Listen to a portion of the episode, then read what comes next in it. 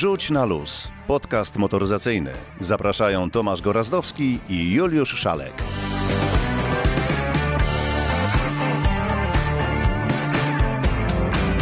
Dzień dobry, dobry wieczór. W końcu nie wiadomo kiedy to pójdzie. Spotykamy się w podcaście Wrzuć na luz po raz 87.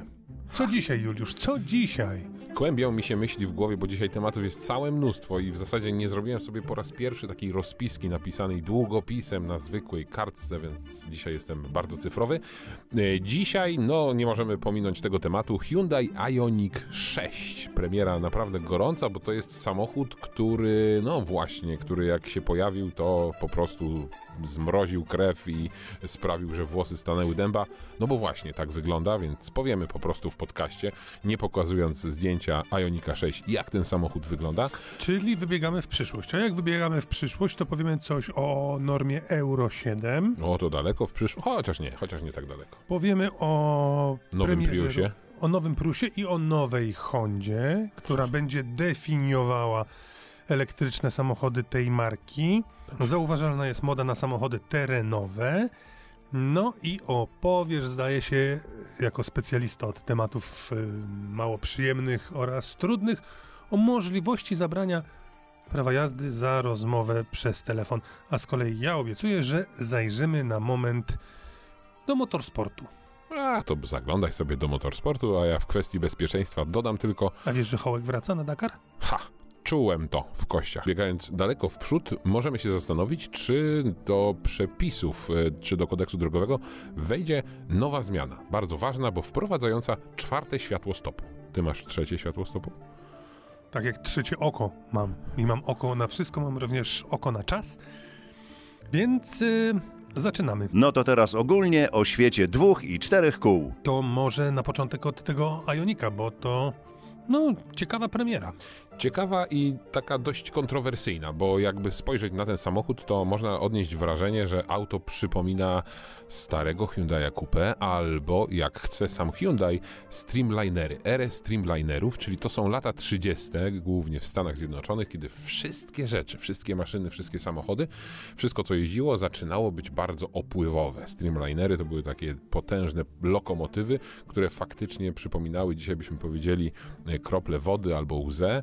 E, no i właśnie, Ioniq jest takim z jednej strony nie chcę porównywać do czego mm, y, ten samochód jest podobny, do jakich innych samochodów, ale y, on jest bardzo zaokrąglony, pozbawiony jakichkolwiek ostrych kantów. Wszystko tutaj jest podyktowane aerodynamice. Y, no, czy to jest ładne, tego nie wiem. Mi ten samochód nie przypadł do gustu, jak widziałem pierwsze zdjęcia. Na żywo również mi nie przypadł do gustu, ale wygląda całkiem nieźle. ważne jest to, że jest olbrzymim samochodem, bo jest większy od Ionika 5, który jest kanciakiem i w zasadzie też nie wygląda na duże auto, ale jak się przy nim stoi jest duże, a ten samochód jest jeszcze dłuższy, jest oczywiście niższy, no bo to powoduje mniejszy opór powietrza. Niektórym przypomina z tyłu 911, A ale... mi się podobał. Ale który? Szóstka. No, no to, co możesz sobie kupić. Pięknie się różnimy, prawda? Jak no właśnie, zwykle. ale ja chciałem powiedzieć o zdrowym podejściu Hyundai'a do produkcji samochodów. Bo z reguły, kiedyś, kiedyś były oczywiście wszystkie samochody różne, nawet w ramach jednej marki. Później zrobiło się tak, że odróżnienie Audi A3 od A2 e, i A8 było niemożliwe, bo te samochody tak naprawdę miały bardzo podobne przody. Oczywiście sylwetka się różniła, ale, ale te detale były takie same. I Hyundai jakby wraca do tego, że produkuje nawet w, w tym samym rozmiarze samochody dwa kompletnie inne auta. Więc jeśli na przykład lubisz kwadraty, to idziesz po Ionika 5. Jeśli lubisz krągłości, to idziesz po szóstkę, bo technologicznie tak naprawdę ten samochód jest zbudowany na tej samej platformie, oczywiście ma nowocześniejszy silnik, nowocześniejsze yy, akumulatory, znaczy może bardziej wydajny, nowy soft, a? A jak lubię trójkąty, tak jak śpiewał Dawid Podsiadło, kwadraty i trójkąty? To musisz poczekać na Izerę i musisz troszeczkę poczekać jeszcze. Chociaż no. łącząc kropki, no właśnie. No to jak? To kiedy, a kiedy Ioniq się pojawi? Ioniq 6 na rynku pojawi się w przyszłym roku. Będzie można zamawiać to auto. Jeszcze nie wiadomo ile kosztuje, ale no cena ma być trochę w sumie zbliżona do Ioniqa 5. Może oczywiście ceny szaleją z miesiąca na miesiąc, z dnia na dzień się zmieniają, więc pewnie będzie trochę droższy, czyli trzeba liczyć 300 tysięcy złotych. We wnętrzu ten samochód jest już bardziej podobny do Ioniqa 5, ale mimo tego, że ma tak samo, e, bateria o tej samej pojemności, to potrafi przejechać więcej. Zasięg maksymalny to jest 600 km, a maksymalna moc dwóch silników, taka wersja też jest, to jest ponad 600 e, koni mechanicznych. Więc to jest niby taki sedan, niby takie zwyczajne auto, a, no, a robi wrażenie. A niezwyczajne. Zresztą o szczegółach tego samochodu opowie Tomek Michalczewski z Hyundai'a. Jesteśmy zdania, że samochody powinny być różne, powinny, ponieważ są kierowane do różnych klientów, do różnych grup klientów. One oczywiście będą miały takie elementy, które będą je łączyć, jak chociażby, chociażby piksele, jak w przypadku Ionika 5, 6 i kolejnych naszych modeli, ale jednak ze względu na to, że zupełnie inny klient, zupełnie inne potrzeby, e, to te samochody muszą być, muszą być różne. Tutaj mamy w przypadku Ionika 6 mamy limuzynę, e, która pewnie będzie jeździła więcej w trasy, więc tutaj jest, jest maksymalne e, skupienie się na aerodynamice. Ioniq 5 trochę inne podejście, bardziej suwowaty samochód e, dla, z większym bagażnikiem. Tutaj mamy sedana, tam mamy e, hatchbacka, więc trochę inne podejście do, dla, dla trochę innych klientów. Ja dodam, że Ioniq 5 bardziej kanciasty, Ioniq 6 bardziej opływowy. Yy, Wracając już do Ionika 6, jakie technologie nowe pojawiają się w tym samochodzie? Bo platforma jest ta sama. Faktycznie, platforma EGMP, czyli doskonale znana już i sprawdzona w przypadku Ionika 5. Jeśli chodzi o nowe technologie, to tutaj mamy światło matrycowe, mamy cyfrowe lusterka e, boczne, mamy nowy e, system Bose z wirtualnym dźwiękiem, e, no i też to, co było znane i to, co bardzo klienci doceniali, chociażby, chociażby vehicle to load, czyli możliwość podłączania zewnętrznych urządzeń elektrycznych do naszego samochodu, czyli taka, taki trochę powerbank. Jak powiedz, udało się Wam wygospodarować tyle miejsca z tyłu w tym samochodzie? Bo auto jest w zasadzie podobnych wymiarów jak Ioniq 5, ale mam wrażenie, że tego miejsca jest jeszcze więcej. No, może nie nad głową, bo to jest jednak sylwetka coupé, ale miejsca na nogi jest naprawdę ogrom. No to wszystko właśnie dzięki tej platformie GMP. Tutaj mamy możliwość, żeby te baterie były pod podłogą. E, możemy sobie tą, tą podłogę skalować, możemy ją powiększać. Tutaj ona co prawda jest taka sama jak w Alniku 5, e, ale przez to, że mamy maksymalnie na, e, do przodu i do tyłu wysunięte osie, tego miejsca wewnątrz jest faktycznie, faktycznie dużo. No tutaj trochę inne podejście do bagażnika, więc faktycznie tego miejsca z tyłu udało nam się bardzo, bardzo dużo wygospodarować. Powiedz jeszcze kilka danych technicznych. Moc, yy, zasięg? Moc maksymalna w wersji czteronapędowej to jest 325 koni mechanicznych. Jeśli chodzi o zasięg, e, to tutaj mamy e, ponad 600 km zasięgu w wersji e, w cyklu WLTP. Jeśli chodzi o ładowanie w 15 minut na ultraszybkiej ładowarce na kolejne 350 km. Cena? Cena będzie znana w styczniu. I na koniec jedno pytanie. Czy na tej platformie powstanie też polska Izera? Nic mi na ten temat nie wiadomo. Mnie się samochód podobał, ciekawe jak się będzie jeździć. No parę fajnych gadżetów ma, na przykład te lusterka wyglądają niesamowicie, oczywiście lusterka zamiast kamer, chociaż one są całkiem spore. No zobaczymy jak to w praniu wyjdzie, bo widzisz na przykład te y, wyświetlanie projekcji z lusterek na pulpicie, tak jak jest w Kia, w Kii Sorento. Bo tutaj problem polega Nie, nie na tym, że my wszyscy jesteśmy przyzwyczajeni do miejsca lusterka w narożniku drzwi, czy, czy w tym miejscu, gdzie ono, ono być powinno i producenci nie mają jeszcze patentu na to, gdzie zmieścić ten wyświetlacz. On niby jest zawsze w tym samym miejscu, ale w Audi jest za nisko, w Lexusie jest za wysoko, w Hondzie jest gdzieś w ogóle pokracznie, bo przecież takie, taka kamera zamiast lusterka to jest nic nowego, E, ale tutaj mam wrażenie, że wreszcie gdzieś tam znaleziono to miejsce. Zobaczymy, czy można będzie się do tego przyzwyczaić. Miejsca w tym samochodzie w każdym razie jest naprawdę sporo. No to stawiamy na elektryki, a co się, co się wydarzyło w elektrykach dawno temu? Dawno Pierwszy elektryk. Pierwszy elektryk, o Boże, Taki to pierwszy są, powszechny, no. mówisz o hybrydzie. No. To Prius. No. Ha, no to Prius, to, było 90, to był 97 rok. Pamiętam, że pierwszy Prius, y, no to była technologia zupełnie kosmiczna, jak na ówczesne czasy i jak dzisiaj myślimy o hybrydzie, no to oczywiście myślimy o Toyocie i właśnie o Priusie, więc właśnie debiutuje Prius piątej generacji e, z nowym napędem i dwie rzeczy są tutaj istotne. Toyota cały czas się wzbrania przed elektrycznością i Prius nadal jest samochodem hybrydowym. Hybrydą połączenia silnika benzynowego o pojemności 2 litrów, no i oczywiście silnika elektrycznego o mocy 160 koni mechanicznych. Ten dwulitrowiec ma 148 koni, no moc y, układu wynosi systemowa moc, to nie dodajemy, to jest 223 konie mechaniczne. Ale co ma nas przekonać do tego Priusa, skoro wszystko już jest hybrydowe i możesz sobie wybierać pomiędzy kanciakiem, okrąglakiem, większym, mniejszym, cross i nie cross? Nie wiem, co ma nas przekonać. Powiem Ci szczerze i, i naszym słuchaczom, że zastanawiam się nad tym, jak Toyota podchodzi do elektryków, bo już wiemy, że w Europie tych samochodów spalinowych, a tym samym samochodów hybrydowych w 2035 nie zarejestrujemy. No ale do tego czasu jest jeszcze trochę y, czasu. Europa nie jest pępkiem świata. No więc taki samochód musiał powstać jako kolejna generacja Priusa. Y, na pewno ten samochód bardzo ładnie wygląda, bo pierwszy Prius nie był piękny, kolejne generacje też, no jakoś może nie szczególnie. Z Priusa na Prius było trochę lepiej. No, było może i trochę lepiej, ale, ale cały czas jakoś tam koślawo, a ten Prius naprawdę wygląda bardzo fajnie. Ten poprzedni był bardzo mocno przerysowany, ten jest bardziej wygładzony. No, nie chcę być nudny i mówić, że to jest kolejne auto, które gdzieś tam przypomina Teslę, chociaż można i tak powiedzieć. Niesamowita historia. No i widzisz, doczekaliśmy się. Obiecywałeś, obiecywałeś, że nie będziemy mówić o Izerze, dopóki się coś nie wydarzy i bach, dziś gruchnęło. Gruchnęła informacja niesamowita, bo otóż okazuje się, że polski samochód elektryczny będzie powstawać na. No właśnie, sprawa nie jest taka prosta, ale będzie powstawać przy współpracy, współpracy z Chińczykami, mój drogi. Chińczykami. Ja nie wiem, czy to dobrze, czy źle. No z jednej strony dobrze, że coś się ruszyło, z drugiej strony A jak to zabrzmi, jeśli powiedziałbym ci, że będzie powstawać yy, na komponentach tych samych, które będą wykorzystywane w samochodach Volvo, w samochodach Daimlera, w samochodach Smarta? Czy to już lepiej ci brzmi? Lepiej brzmi, no zdecydowanie lepiej, aczkolwiek ciągle to są Chińczycy. No właśnie, i tutaj trzeba by chyba oddzielić sprawę polityczną od sprawy, no takiej da się, chłopie, nie da nie się. da się. No to powiedzmy w końcu, niech ta nazwa padnie, koncern Jelly będzie dostawcą platformy.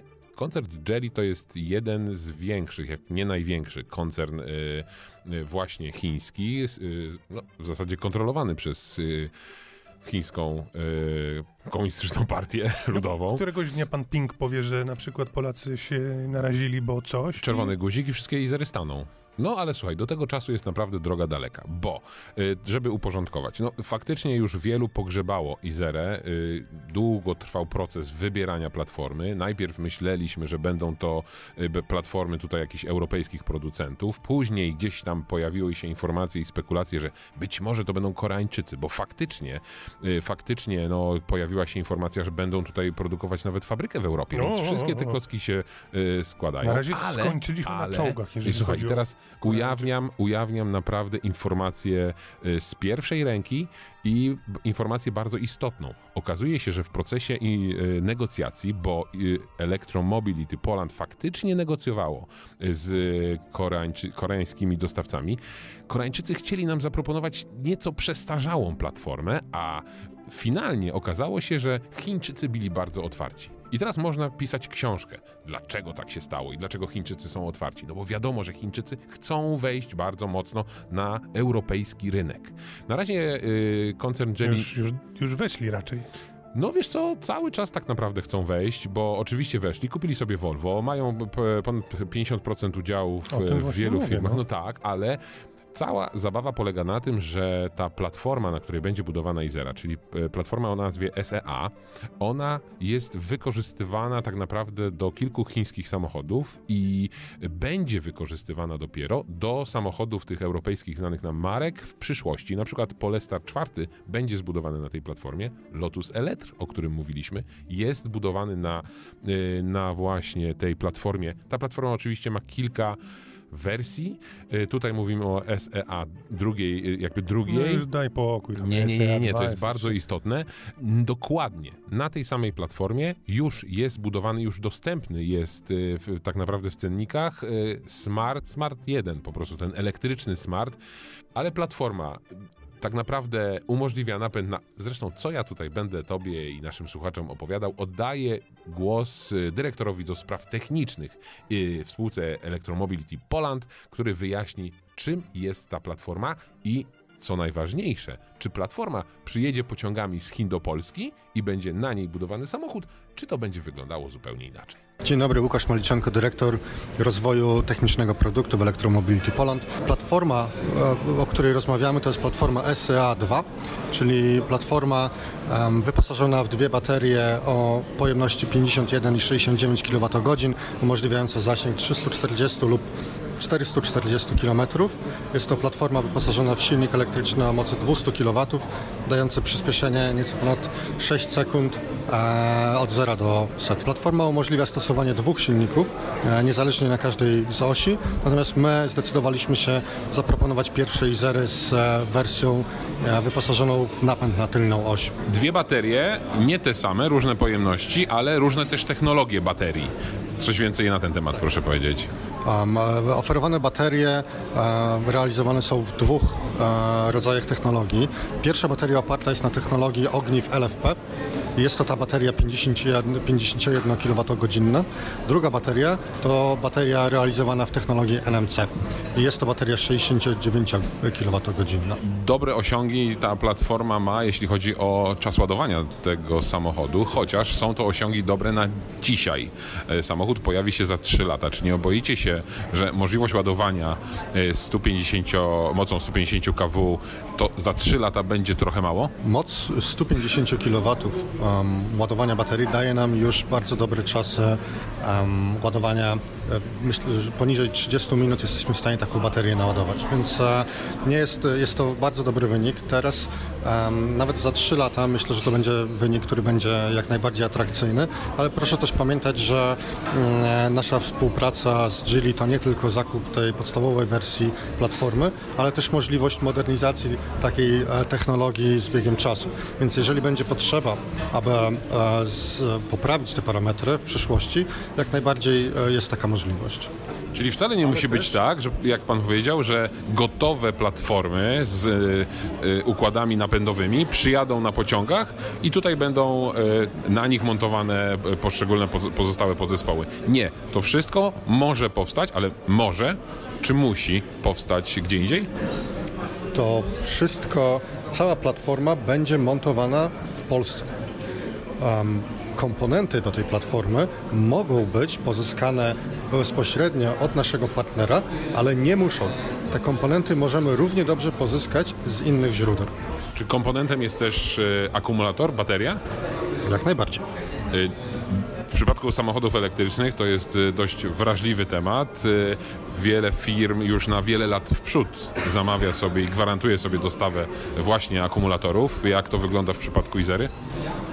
Myślę, że szczegóły dotyczące pozyskania baterii to jest jednak informacja poufna. My oczywiście temat jak najbardziej e, szanujemy i się nim opiekujemy, ale chciałem powiedzieć, że jedną z opcji, którą już mamy zabezpieczoną, to jest opcja pozyskania tej baterii dzięki naszemu partnerowi, więc tą taką bazę e, jak najbardziej mamy już zabezpieczoną. Teraz skupiamy się na tym, żeby zweryfikować, czy jest to najbardziej optymalne rozwiązanie ale jest to na pewno rozwiązanie, które umożliwia nam bezproblemowy start produkcji w, e, zgodnie z harmonogramem, czyli w 2000, pod koniec 2025 roku. E, Miałem okazję poznać e, tą firmę też od środka, e, poznać sposób pracy, kulturę pracy, ale też zaawansowanie techniczne Geely.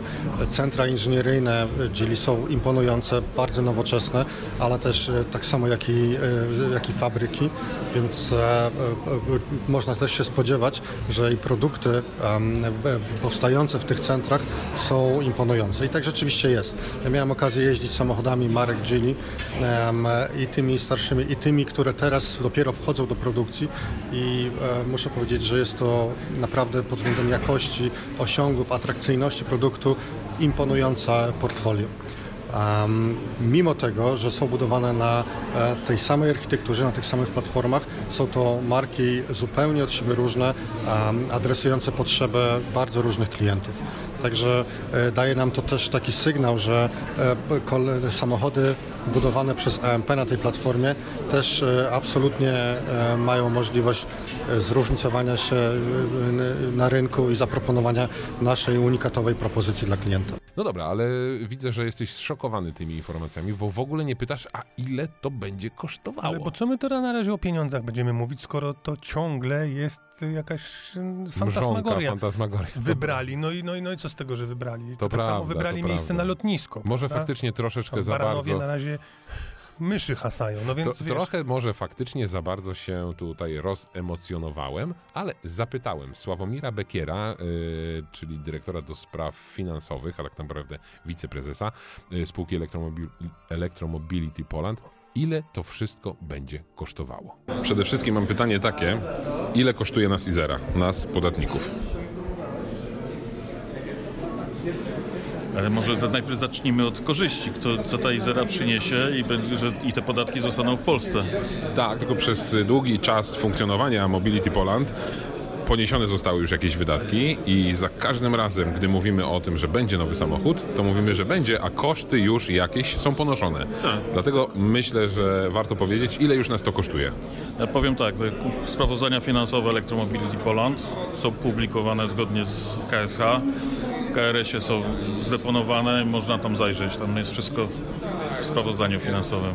Wspomniał Pan podczas konferencji, że przewiduje Pan, bo to nie jest y, poparte żadnymi dowodami, ale przewiduje Pan, że Skarb Państwa, który dzisiaj jest właścicielem y, y, Mobility Poland, wcale nie będzie zainteresowany tym, żeby być właścicielem fabryki, być właścicielem przedsiębiorstwa, które tak naprawdę będzie produkować ten samochód. To w takim razie jak to może się zmienić? E, Nawet nie wiem, czy to ja, czy to kolega, bo to tak naprawdę zależy trochę od Skarbu Państwa. On jest naszym inwestorem i on będzie de- podejmował decyzje. Natomiast może się zmienić to w ten sposób, że będziemy dopraszać podmioty trzecie, które są zainteresowane partycypacją finansową w tym projekcie. Będziemy z nimi rozmawiać. W moim odczuciu ten biznesplan, który mamy jest atrakcyjny, więc powinien zapewniać e, taką, e, że tak powiem, przyciągalność e, tych podmiotów, tych finansujących. No i wtedy będziemy patrzyli, jak się ten, ten układ będzie mógł rozkładać, układ sił czy kapitału, prawda? no to takie wróżenie z fusów, bo okaże się, że inflacja pójdzie, cofnie się deflacja i okaże się, że to nie ma nic wspólnego z, z tym, co będzie. Słuchaj, to, To, co o czym będzie... teraz mówią, natomiast wiesz, co zauważyłem? Nie wiem. Że oni tam mają dyrektorów od wszystkiego.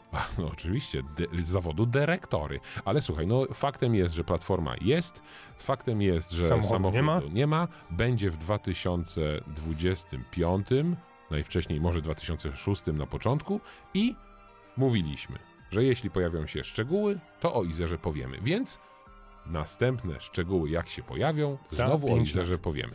Na luzie. Pogadajmy. Słuchaj, bardzo ładnie teraz staram się połączyć jedno z drugim, żeby trochę logicznie było. Zobacz, powiedziałeś, że platforma jest, samochodu nie ma i samochodu również może nie być, jeżeli będziesz gadał przez telefon. To jest bardzo ciekawy pomysł. Nie wszystkim się spodoba, bo jest taki pomysł, żeby zabierać prawo jazdy za gadanie przez telefon. No jest taki Na pomysł. szczęście nie u nas na. Na szczęście, poczekaj, poczekaj. I nie we Francji, a wiemy, że Francuzi słyną z takich niesamowitych pomysłów. Słuchaj, jest taki pomysł w Belgii. Okazuje się, że y, za rozmowę czy korzystanie z telefonu komórkowego podczas jazdy będą zabierać prawo jazdy na 8 Stałe. dni. Na 8 dni. Ha, długo? Mało? Jakby ci zabrali telefon jeszcze na te 8 dni, to gwarantuję ci, żebyś się 40 razy zastanowił, czy odebrać połączenie jadąc samochodem bez zestawu, czy napisać tego SMS-a, czy rzucić okiem na nawigację. Ale nie wiem, czy pamiętasz, to są takie pomysły, które mogą wydawać się śmieszne, ale one chyba jednak działają.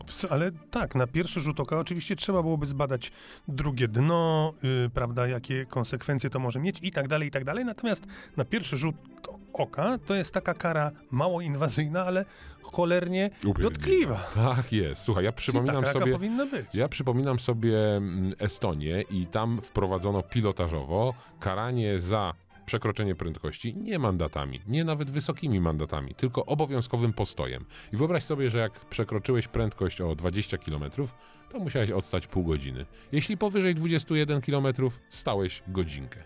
Zobacz, jakie to było edukujące. Jedziesz szybko, spieszysz się z reguły gdzieś. No, proszę bardzo, mandacik może być symboliczny, ale stoisz godzinę. Co robić na, tam, na takim parkingu? To jest właśnie dotkliwość kary. I spóźniasz się na przykład na samolot, nie realizujesz kontraktu i potem pozywasz policję, że cię zatrzymała. Ale nie, nie, nie. O co pozywać? O to, że ci wlepili mandat?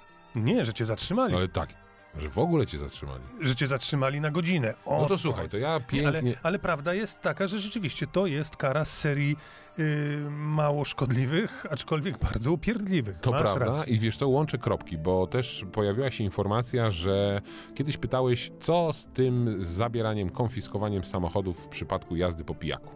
I otóż okazuje się, że sprawa tak naprawdę niebawem trafi, yy, czy zakończy się, no właśnie, czy szczęśliwie, czy nieszczęśliwie. Otóż Sejm mm, przyjął projekt ustawy, która właśnie pozwala konfiskować policjantom samochód za jazdę po pijaku. Senat dopatrzył się tam wielu nieprawidłowości, wielu, no, można by powiedzieć oczywiście bubli prawnych, no ale wiadomo, że Senat ma większość. Yy, W Senacie z, z powrotem yy, ustawa przeszła i teraz ustawa tak naprawdę czeka na podpis prezydenta.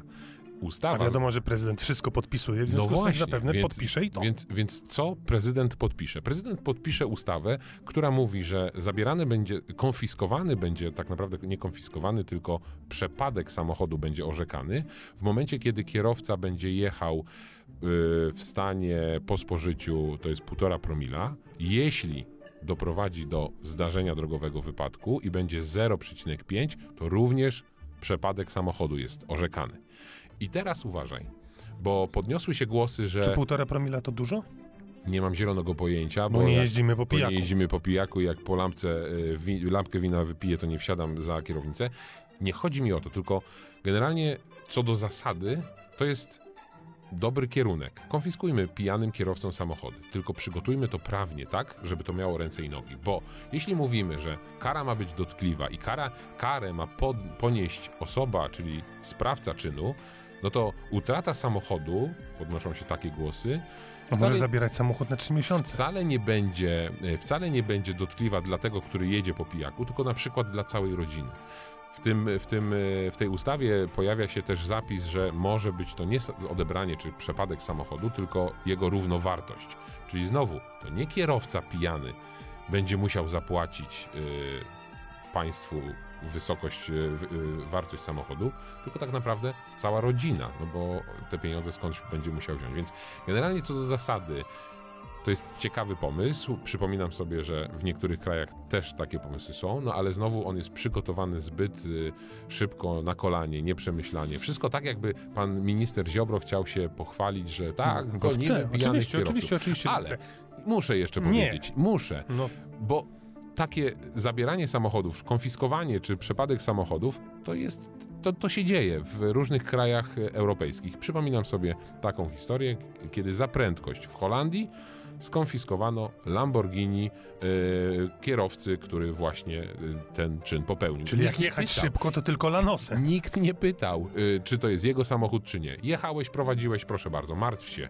Jeśli pożyczyłeś od kogoś samochód, no to już nie masz kolegów. Ale zobaczysz, to będą, będą tanie samochody wypożyczane do szybkiej jazdy. A nie, bo to do pijaka, po pijaku. Nie, musisz szybko jechać, ale oczywiście, no lepiej stracić auto za tysiaka niż auto Ale to nie chodziło za 250. szybką jazdę, tylko przecież za Po alkohol. pijaku. No tak, No to nie ale będziesz jak A, i tam jeszcze recydywa jest. Recydywa też Dobra. jest zabierane prawo jazdy. Słuchaj, więc e, nawiązując jeszcze do tego zabierania prawa jazdy za zbyt szybką jazdę, no to patrz, jakby tak hołka złapali na radarze, a kara postoju jest wprost proporcjonalna do szybkości, z jaką się jechało, to trochę by postał, bo zdarzało mu się jechać szybko. Ale na są też publicznych drogach, nie Ale są też takie miejsca, w których trzeba jechać szybko. No i on lubi jechać szybko. Dzisiaj I umie. fantastyczna y, informacja. Krzysztof Hołowczyc i Łukasz Kurzeja wracają na ścieżkę Dakaru. Nie tego Dakaru, który zaczyna się za chwilę, bo będą jechali samochodem, którego jeszcze nie ma. Nikt jeszcze na dobrą sprawę tego nowego miniaka nie widział, więc doszli do wniosku, że pojadą cały cykl Pucharu Świata, dopracują samochód. Łukasz się doszkoli jako pilot pustynny. No a potem zamierzają wygrać Dakar. Posłuchajmy. Siedem lat przerwy i można było w pewnych momentach mieć wątpliwość, czy jeszcze wrócisz na Dakar, choć zawsze twierdziłeś, że to jest coś, co jak się raz tego spróbuje, to to wciąga jak bagno. Może tak. To jest niedokończona historia i na szczęście tam nie ma bagna, tylko jest dużo piasku. I wiesz, z perspektywy człowieka, który jednak mimo wszystko był w tym sporcie cały czas, bo, bo niestety w tym kraju tak się narobiło, że te budżety w różne strony płynęły, mimo że byłem, no nieskromnie mówiąc, zawodnikiem, który powinien walczyć o zwycięstwo w Dakarze. Nie zawsze udało się to złożyć. W tej chwili mam sponsora, prawdziwą firmę, która bardzo e, ma, ma podobną filozofię myślenia do mnie, że trzeba być najlepszym, że trzeba zwyciężyć, trzeba walczyć o zwycięstwo. Ja też po drodze gdzieś tam miałem jakąś ciężką chorobę, którą przeszedłem. Udało mi się e, wyjść, jak to się mówi, na prostą E, i, i kiedy wsiadłem do rajdówki ponownie i zacząłem jechać, okazało się, że jestem dalej piekielnie szybki, że mogę walczyć z najlepszymi, że mogę zwyciężać i postanowiliśmy z Łukaszem spróbować, znaleźć partnera, zbudować zespół i pojechać. No i, to się spełniło. W tej chwili wiemy, że jedziemy Puchar Świata, że jedziemy, e, że wieńczyć ten, te, te dzieło będzie właśnie Dakar i, i ciągle chciałbym powiedzieć, że to jeszcze nie koniec, że e, byłem na podium Dakaru, Mm, to była wielka satysfakcja i przyjemność, ale wszyscy dobrze wiemy, że jako sportowiec stałem z boku moich kolegów, fantastycznych zawodników. Chciałbym stanąć pośrodku nich. Ogłaszasz swoją drogę do Dakaru tuż przed rozpoczęciem Dakaru, ale chcesz pojechać w tym Dakarze za rok. Jak przedstawiałeś swoją drogę, tą roczną, to wydaje się być bardzo pomyślana z głową, ale wy, wyjaśnij, czemu dopiero za rok? Idealnie to znalazłeś. E, Plan był na początku, że teraz już jedziemy na Dakar, ale kiedy zrozumiałem, gdzie jest mój zespół, jeżeli chodzi o przygotowanie samochodów, że jeszcze e, ten fantastyczny projekt, bo wiem, że T1 Plus w wersji mini będzie super samochodem, ale choroby wieku niemowlęcego, ten samochód ciągle jeszcze nie jedzie, a za chwilę trzeba stanąć na starcie. Wiem, że mogło, mog, mogło być to przestrzelenie jak gdyby dużego projektu, bardzo drogiego projektu, bo mówmy się, Dakar to nie jest tak, że sobie fajnie jedziemy i będzie fajnie, nie? To tak nie jest. E, Mam świadomość odpowiedzialności za te wielkie budżety, które za mną stoją, więc ta szansa, że i siebie przetestujemy, Łukasza i mnie, i samochód e, w całym cyklu Pucharu Świata, przygotujemy się do Dakaru, no będzie powodowało, że stojąc na starcie naprawdę będziemy czuli, że jesteśmy gotowi. A to jest bardzo ważne, żeby stojąc na starcie mieć świadomość, jestem gotowy zwyciężyć. I zapewne ty masz świadomość, że żeby wygrać Dakar, a chcesz wygrać Dakar, to musisz pojechać jeszcze szybciej niż jechałeś do tej pory, bo do tej pory starczyło na trzecie miejsce. To prawda.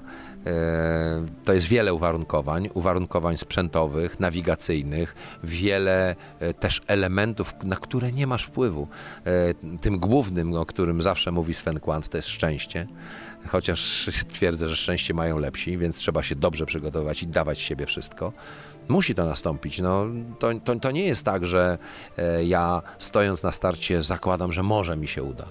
Ja stojąc na starcie jestem przygotowany na zwycięstwo i chciałbym to zrobić. I teraz, czy te wszystkie na koniec elementy się złożą, że zwyciężę, tego nie wiem. Nie mogę e, być e, wróżką czy człowiekiem, który mówi, nie, no na pewno wygram. Nie, nie. Stoję na starcie, jestem gotowy na zwycięstwo. To jest mój cel. Jeżeli stoję na starcie i myślę, będę piąty, siódmy, to nie startuję. Zawsze staję na starcie ze świadomością, jestem gotowy na zwycięstwo, mam takie szanse. Bo jeżeli e, przyjechałbym na e, motorze starodawnym WSK na, i stanął na, Daka, na starcie Dakaru i powiedział, ja tam wygram z chłopakami w motocyklach, no to, to byłbym śmieszny. Właśnie takich rzeczy e, nie znoszę. Ale stojąc mini z zespołu X-Raid po sezonie startów, będę mógł powiedzieć, mam nadzieję oczywiście, że bo się wszystko może wydarzyć, możemy się połamać, możemy coś popsuć, może być jakaś techniczna wpadka, bo też się takie rzeczy zdarzają. To jest tylko motorsport, ale myślę, że te wszystkie elementy, jak złożymy do kupy, będę stał na starcie następnego Dakaru, gotowy powiedzieć, jestem tutaj po to, żeby zwyciężyć. Ty jesteś gotowy na zwycięstwo. Y, Powiedz dwa słowa o samochodzie, który musi być przynajmniej tak samo gotowy na rywalizację z innymi najlepszymi maszynami jak ty. T1 Plus, nowa klasa, która powstała, Toyota weszła pierwsza, rzeczywiście odjechała, no zwyciężyła w Dakarze. E, Myślę, że teraz ten projekt elektryczny Audi jest dla wszystkich wielką niewiadomą, bo to będzie też taki samochód, który teoretycznie jest szybszy z, z punktu widzenia możliwości technicznych, ale, ale wierzę, że nasze Mini w tej wersji, która będzie z napędem e, dieslowskim, aczkolwiek to będzie paliwo biologiczne, to będzie e, wreszcie e, nie ropa. I, I myślę, że, że, że ten samochód, który ma ogromne doświadczenie, bo powiedzmy, że przecież Mini wygrywało Dakary i Mini ma te geny zwycięzcy w sobie. Mm, Po pierwszych rozmowach z inżynierami, którzy najpierw to nanieśli na deskę, później zobaczyli, jakie są parametry, jakie są możliwości, wygląda, że będziemy mieli prawdziwą broń do walki o zwycięstwo. I na koniec jeszcze powiedz dwa słowa o Łukaszu. E, Łukasz Kurzeja, twój pilot, pierwszy raz pojedzie na Dakar. Z jednej strony mówiło się zawsze, że pilot to połowa sukcesu, no i doświadczenie, doświadczenie, doświadczenie. Łukasz takiego no, pustynnego nie ma. No i pytanie, czy w ciągu roku nabierze takiego doświadczenia To i na ile ci to pomoże, no bo jesteście kumplami, no to też inaczej się chyba jedzie. Oczywiście, że mamy świadomość i Łukasz to często mówi, mam nadzieję, bo tak miało być w tym Dakarze, że nie stanę pierwszy raz na pustyni i, i będziemy udawali, że się znamy na robocie. Dlatego ta szansa, że on przejedzie parę ładnych rajdów pustynnych podczas Pucharu Świata, no spowoduje, że jego performance, jeżeli chodzi o nawigację, taką czystą nawigację, będzie duży.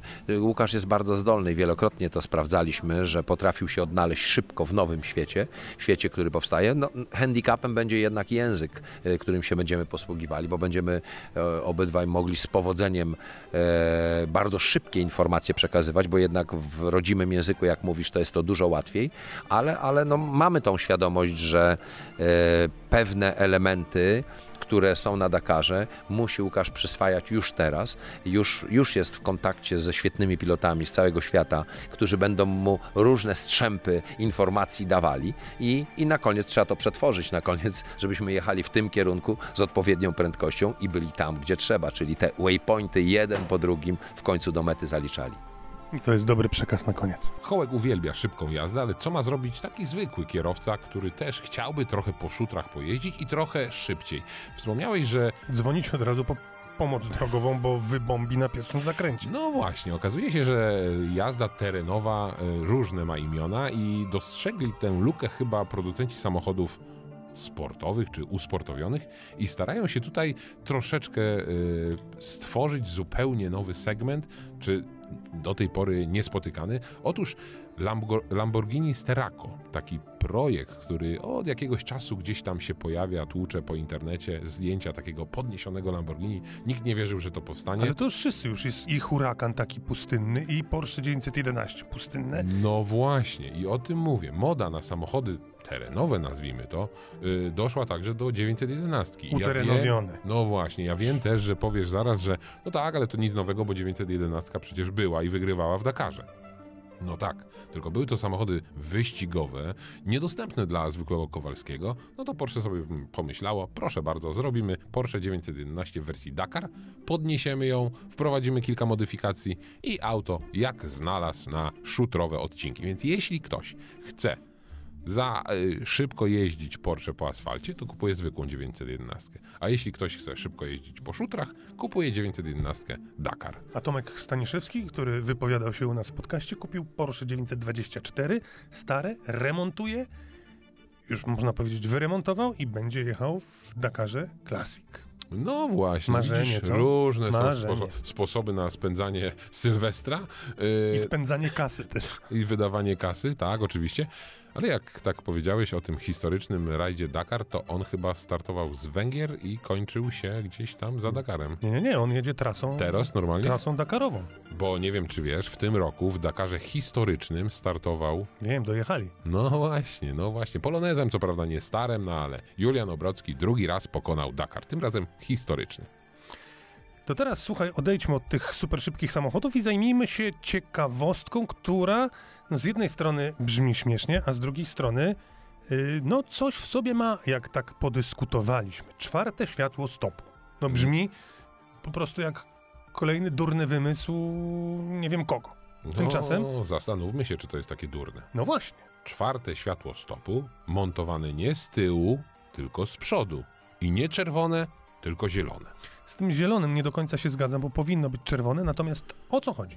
Chodzi o to, że pojawił się taki pomysł y, na Słowacji. Testują rozwiązanie, które właśnie, no, co ma sprawić? Ma oczywiście poprawić bezpieczeństwo. E, można się śmiać, ja zawsze mówię, że worek bezpieczeństwo z bezpieczeństwem jest bardzo głęboki, bardzo szeroki, wszystko pomieści. No ale jeśli mamy uratować choćby jedno życie ludzkie, to może warto się nad tym zastanowić. Chodzi o to, że samochód, który hamuje, tudzież zwalnia i zbliża się na przykład do przejścia dla pieszych, albo na przykład do uliczki spodporządkowanej, no to w momencie, kiedy właśnie zwalnia, zatrzymuje się, to w przedniej części zderzaka, pod grillem, przy światłach, no gdzieś na środku z przodu, wysyła sygnał, czyli zapala się zielona lampa. Trochę tak jak, nie wiem, w pociągach kiedyś. No i to wszystko ma spowodować, że pieszy, który chce przejść przez drogę, albo samochód, który chce przejechać, no jakby zwraca uwagę na auto, które właśnie się zbliża. No właśnie, powinien zwracać uwagę i powinien.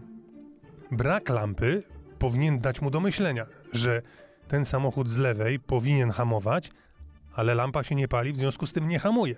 I być może pieszy, który bezkrytycznie, tak jak od kilku tygodni się dzieje, wchodzi sobie na drogę, popatrzy, no jedzie, ale lampa się nie zapala. W związku z tym może przyhamuje, bo inaczej nie przejedzie. I na tym polega fajność tego pomysłu. No jest to pomysł prosty. Ja tak sobie myślę, że też do worka bezpieczeństwo kiedyś wsadzono obowiązkową jazdę na światłach, bo też mówiono, że a, samochodów nie widać, szczególnie w taką porę jak dzisiaj. E, Badania po wielu latach wprowadzenia tego przepisu w całej Unii Europejskiej y, no, udowodniły, że nie za bardzo ta poprawa bezpieczeństwa jest. Y, Wręcz niektóre państwa w ogóle z tego zrezygnowały.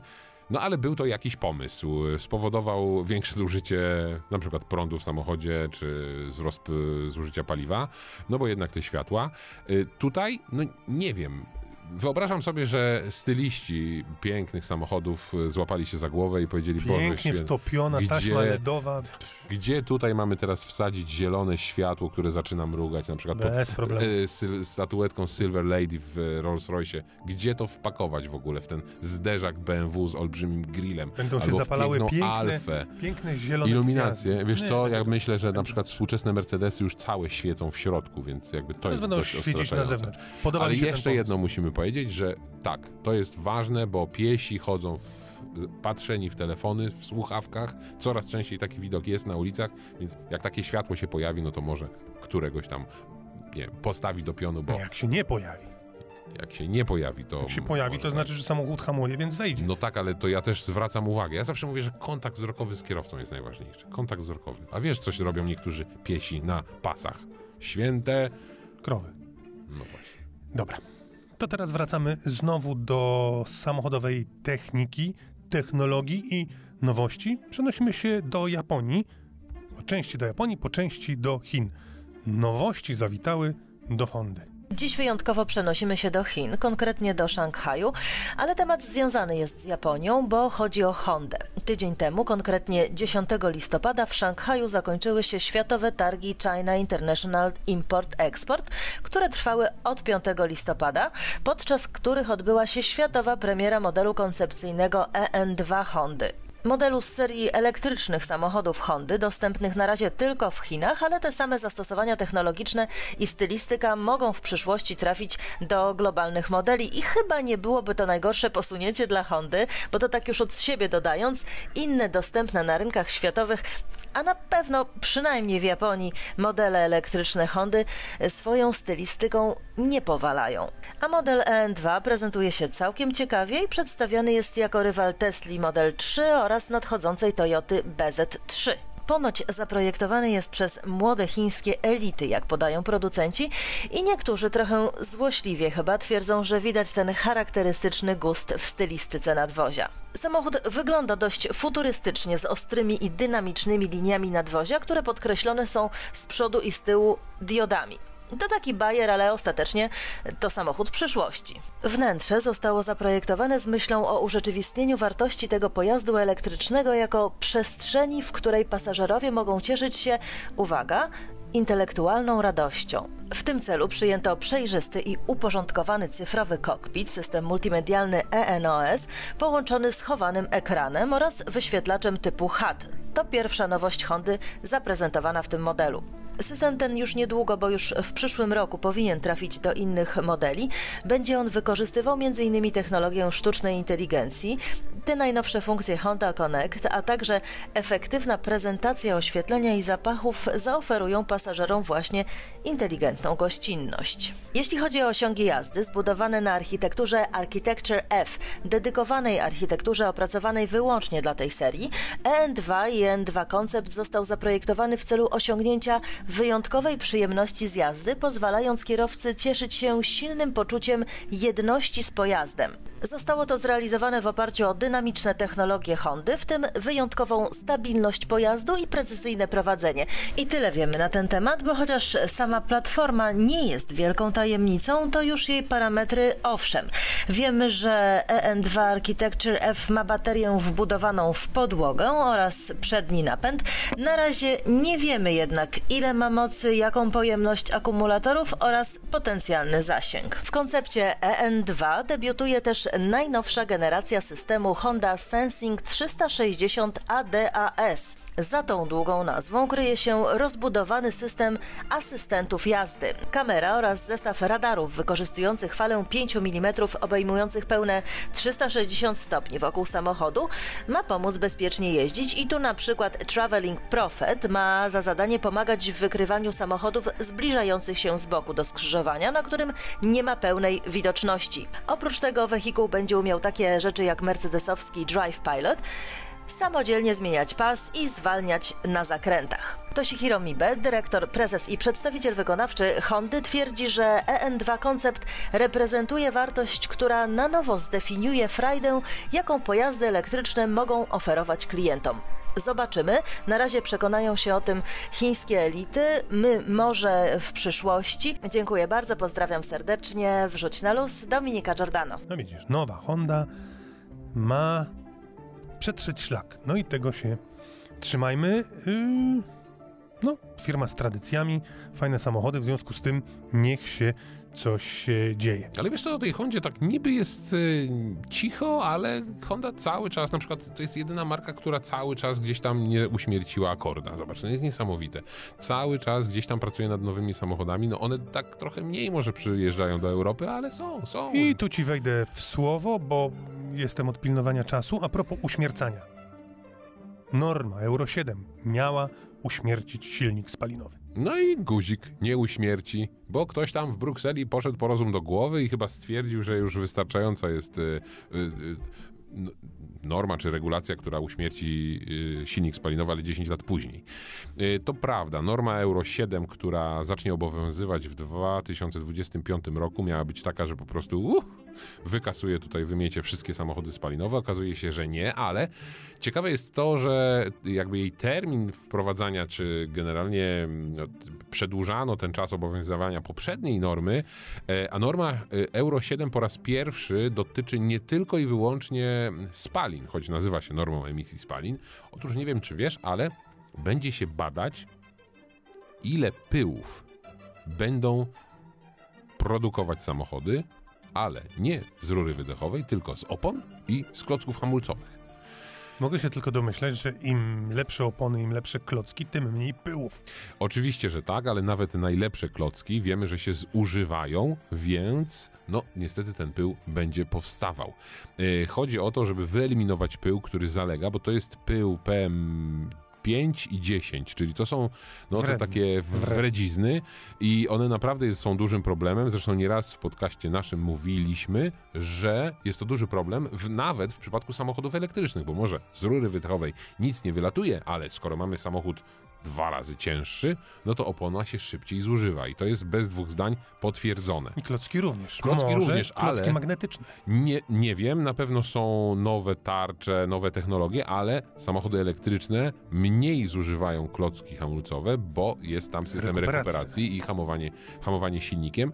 No ale norma Euro 7 po raz pierwszy taką zasadę wprowadza. Zmienia się też kilka ważnych y, takich szczegółów technicznych, na przykład samochody do tej pory y, ta norma była obowiązywała przez 5 lat dla samochodów przy homologacji przez 100 tysięcy kilometrów, teraz przez 10 i 20.